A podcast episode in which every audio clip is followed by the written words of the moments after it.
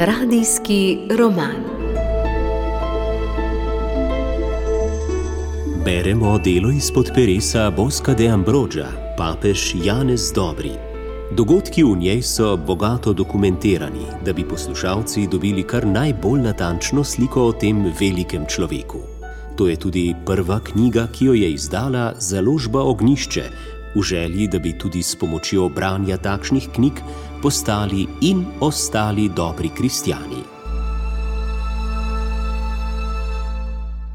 Dobro večer, spoštovani poslušalci, in prav lepo vabljeni k poslušanju 15. dela radijskega romana Papež Janez Dobri.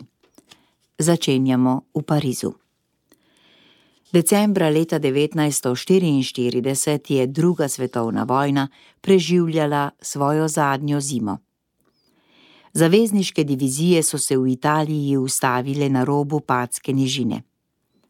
Partizanska gverila po hribih in dolinah je zajela podeželje in mesta, grozotno bombardiranje pa je rušilo velika središča. V Franciji so prve anglo-ameriške čete prišle do nemške meje.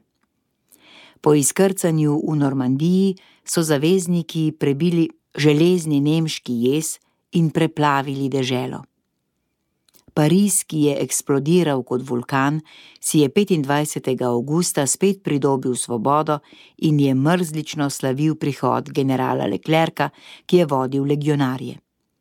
De Gaulle je prevzel vodstvo svobodne Francije. Tedaj je Lorenski križ postal v Franciji znak svobode. Partizani, ki so prišli z hribov, in preganjani, ki so se rešili iz zaporov, so pisali po zidovih in po časopisih besedo, ki je ustrahovala: Čistka. Kdor je sodeloval s tujcem, kdor je izdal Francijo, kdor je podlo molčal, mora plačati. Samo kri bo oprala Francijo in ji vrnila nekdanjo čistost. Monsignor Roncalli je čutil odmev te jezne zmagoslavnosti tudi v Istanbulu, kjer je bila francoska skupnost prav močna. Zadnja leta so se petanisti in golisti grdo gledali, zdaj pa so sovražno dolžili drug drugega. Nekateri bi celo delegata radi pritegnili na to ali ono stran.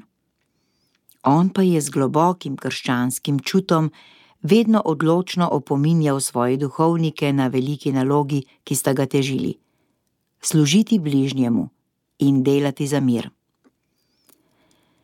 Monsignor Roncalli je mislil na bližajoče se božične praznike, ko je nenadoma dospela iz Vatikana šifrirana brzojavka. Njegovi pomočniki so bili že odšli, zato se je dešifriranja lotil sam. Medtem ko je delal, se mu je čelo če dalje bolj mračilo. Najbrž sem se čisto pomotil. To je nemogoče, je ponavljal sam pri sebi. Z brzojavko so mu sporočili, da so ga imenovali za apostolskega nuncija v Parizu. Šele potem, ko je bil skrbno zaprl brzojavko v predalček, je skušal prepričati samega sebe, da gre za napako. Imel je 63 let. Kako naj ga kar snamejo s kljuke in premestijo iz Istanbula v Pariz? Po treh dneh pa je pismo monsignorja Tardinija potrdilo to imenovanje. Spodbujal ga je, naj se čim prej preseli v francosko prestolnico. Njegovi duhovniki so ga tistega dne prvič videli mračno razpoloženega.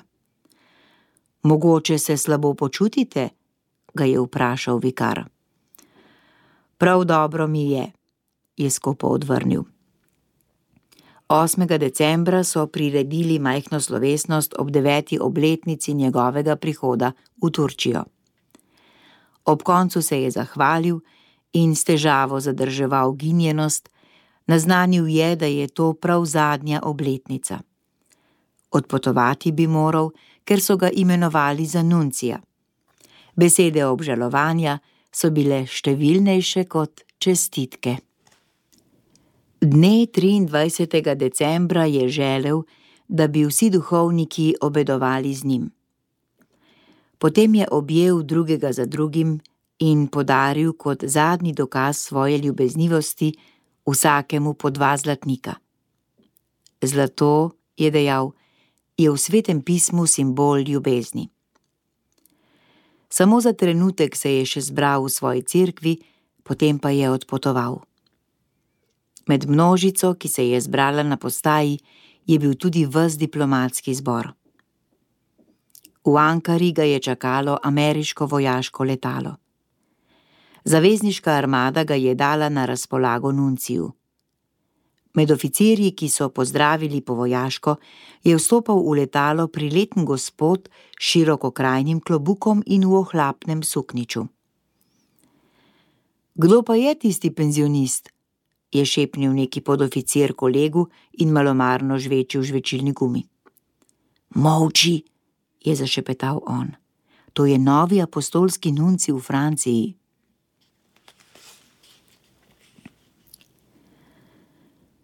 Ko se je ustavil v Rimu, je monsignor Roncalli odšel naravnost na državni sekretarjat.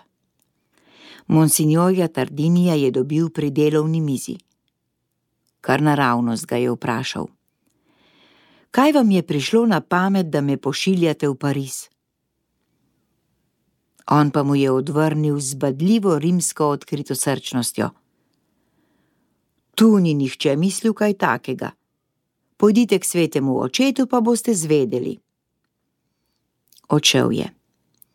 Papež Pi XII je bil zelo zaposlen, a ga je takoj sprejel.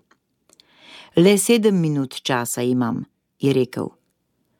Vsekakor, monsignor, nikomor se nimate zahvaliti za to imenovanje.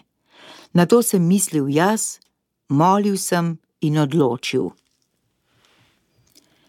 V sedmih minutah nekoliko kratek novicijat za poslanstvo, ki me čaka, si je mislil monsignor Roncalli, ga je papež Pi XII seznanil z glavnimi potezami, s položajem v Parizu in z najtežjimi in najnujnejšimi nalogami, ki so ga čakale.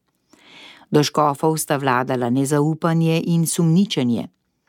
Zahtevali so odstranitev 50 škofov, čež da so sodelovali z višijsko vlado in z Nemci. Za Pariz se je bilo treba oborožiti z mirnostjo in previdnostjo ter skušati razvozlati vso to zapletenost. Tudi tam je oblačno, je pomislil monsignor Roncalli in se smehljal. Kot ponavadi potrebujejo nekoga, ki zna stopati čisto ob zidu. Naj bo pokorščina in mir.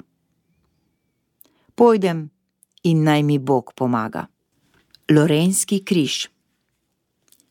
Letalo se je 30. decembra vzdignilo iz Rima in odletelo proti Orliju. 1. januarja se je popeljal z avtom v Elizejsko palačo, kjer naj bi izročil poverilnice predsedniku vlade. Sobica, v kateri je čakal, je bila ledena. Prokatna svila na stenah vsa obledela in prašna, stekla so bila motna od pajčevine in prahu. Pariz se je šele nekaj let pozneje prerodil v svoji eleganci. Tedaj je bilo povsod še vse zasilno. Ognjeno rdeče rože na sredi mize so bile v nasprotju z revščino, ki ga je obdajala. Točno ob devetih je z naglimi koraki vstopil general de Gaulle. Njegovo izredno visoko postavo je krila bleščeča uniforma. Rahlo je udaril s petama. Neoporečna preča, ki mu je delila lase, se je lesketala v žarku sonca. Poleg njega sta stala zunani minister in vodja ceremonijala Loze, bila sta prav tako hladna in dostojanstvena. Hladni degolov pogled se je izognil smejočemu in prijaznemu nuncijevemu očesu, monsignor je opazoval rdeči lorenski križ, ki se je svetlikal na generalovih prsih kot rana. Poverilnice mu je izročil s kratkim govorom, ki ga je bil sestavil v hipu z lepimi in previdnimi besedami. De Gaulle je odgovoril v kratkih, prisiljenih stavkih, ki so se porazgubili v hladnosti sobe. Ob 10.30 tistega dne, to se pravi 1. januarja, bi moral diplomatski zbor voščiti novo leto po glavarju države. Apostolski nunci je imel pravice dekana diplomatskega zbora. Torej bi moral imeti on kratek voščilni nagovor. Ko bi njega ne bilo, bi ta naloga pripadala najstarejšemu diplomatu, to je bil takrat Rus Bogomolov. Na sovjetskem poslaništvu so bili že pripravili kratek sestavek. Toda točno ob desetih in trideset minut je novi apostolski nunci nasmejano stopil v dvorano in se med splošno radovednostjo mirno postavil na čelo diplomatskega zbora.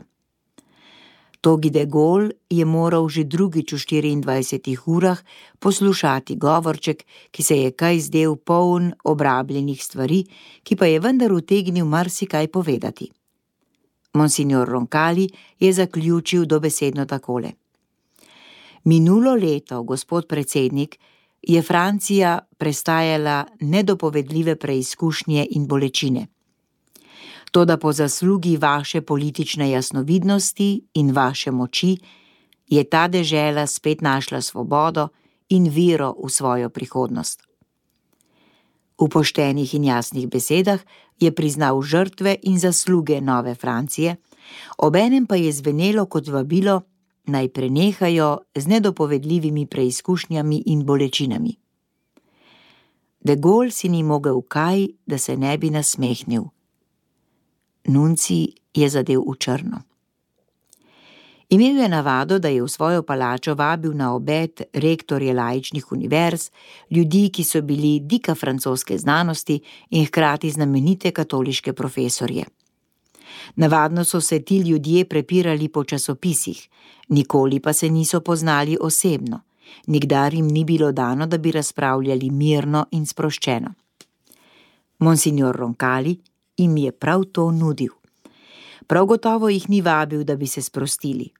Da bi jim priskrbel kar najboljšo postrežbo, je ob takih izrednih priložnostih najel slavnega pariškega metra gospoda Rožera. Takole se spominja takega ljubeznivega gostitelja. Bil je okrogel kot kak župnik, a jedel je kot ptiček. Najbrž so ga redile knjige, ki jih je požiral.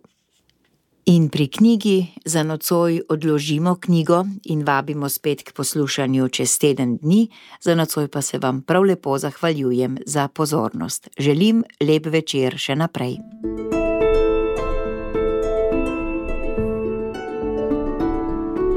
Radijski roman.